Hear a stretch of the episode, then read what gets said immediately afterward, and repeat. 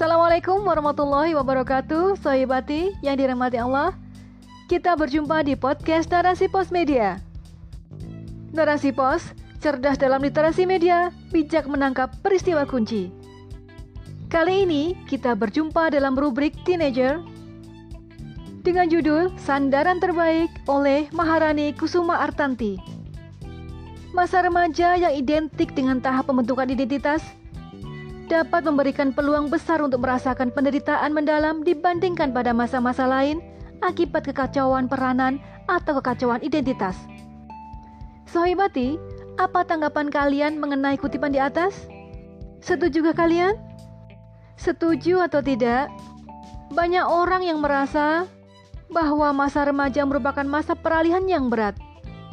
Hal ini terjadi karena kita memiliki peran yang saling bertentangan dalam diri.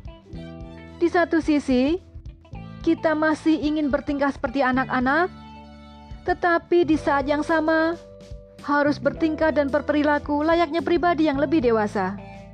Ilmu psikologi sendiri melihat bahwa pertentangan sikap yang tidak dapat diatasi oleh diri akan menimbulkan kekacauan peranan. Artinya, bila kita tidak memantapkan diri, bisa saja kita merasa bingung harus berperan seperti apa, tetap kekanakan atau mendewasakan diri di masa peralihan ini. Contoh sederhana dari kekacauan peran ini dapat kita lihat dari teman-teman yang pergi merantau untuk bersekolah. Bayangkan saja, mereka yang dulunya bersekolah di SD dengan jarak lima langkah dari rumah, ketika SMP atau SMA diminta untuk masuk ke pondok pesantren. Pasti rasanya ingin menangis, tetapi malu. Jadi, meskipun sedih, mereka memutuskan untuk tersenyum saat orang tua melambaikan tangan di gerbang pondok pesantren. Iya, walau lima hari berikutnya, mereka diam-diam menangis di kamar mandi karena rindu.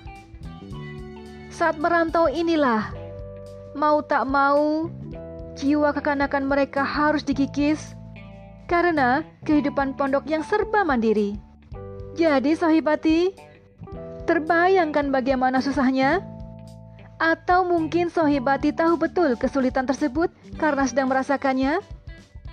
Pandemi, sekolah daring, bukannya menambah pemahaman atas materi yang menumpuk, justru tugas harian yang semakin menumpuk.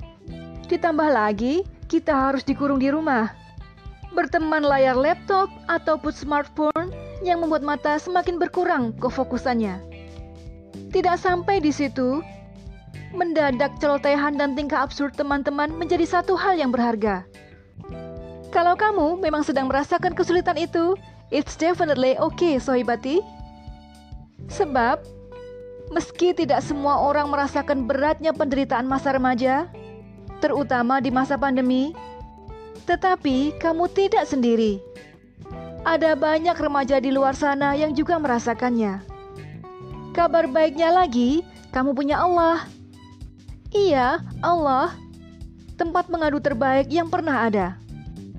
Allah adalah tempat mengadu yang akan selalu ada dan siap sedia mendengarkan kita. Allah adalah tempat mengadu yang tidak akan mengecewakan. Bahkan saat kita telah berkali-kali menyakiti dengan melanggar aturannya. Mungkin sohibati akan bertanya-tanya, kenapa harus mengadu kepada Allah? Kan masih ada teman yang selalu siap mendengarkan curahan hati kita. Lagi pula di masa pandemi ini, konten hiburan terus mengalir bak air bah, baik dari dalam ataupun luar negeri. Tampaknya mereka yang bekerja di industri hiburan paham betul bahwa pandemi adalah kondisi yang sulit sehingga mereka bertekad untuk membuat orang-orang tersenyum dan tertawa lebih banyak. Namun, pernahkah terlintas dalam pikiran Sohibati? Apakah tersenyum dan tertawa lebih banyak merupakan kunci utama melewati masa sulit ini? Tidak, Sohibati.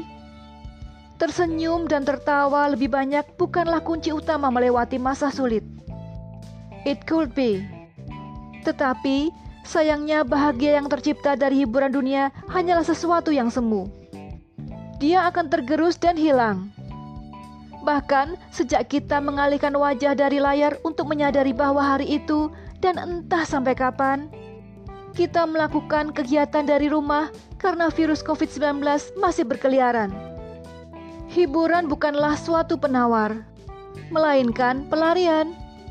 Hiburan tidak akan menyelesaikan masalah, justru meningkatkan kemungkinan semakin lamanya masalah itu terikat dengan kita tanpa adanya penyelesaian.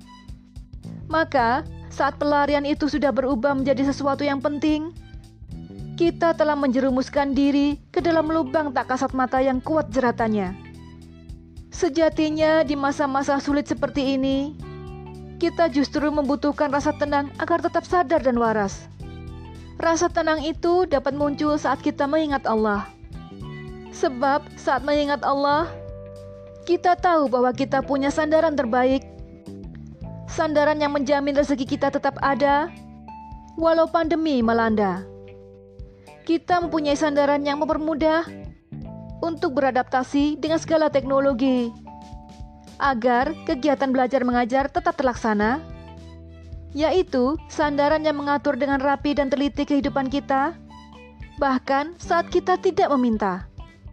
Kita memiliki sandaran yang selalu berbahagia saat kita merengek memohon pertolongannya.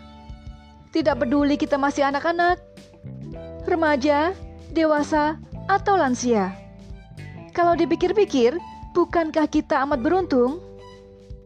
Sebab, baik sohibati sadari atau tidak, kita punya tiga privilege paling berarti yang tidak akan terganti. Privilege itu adalah terlahir sebagai umat Nabi Muhammad memeluk agama Islam, dan memahami bahwa Allah lah tempat mengadu sekaligus sandaran terbaik. Oleh karena itu, biarlah masa remaja dipenuhi dengan kesulitan. Sebab, hidup bukanlah hidup jika tidak dibumbui rintangan.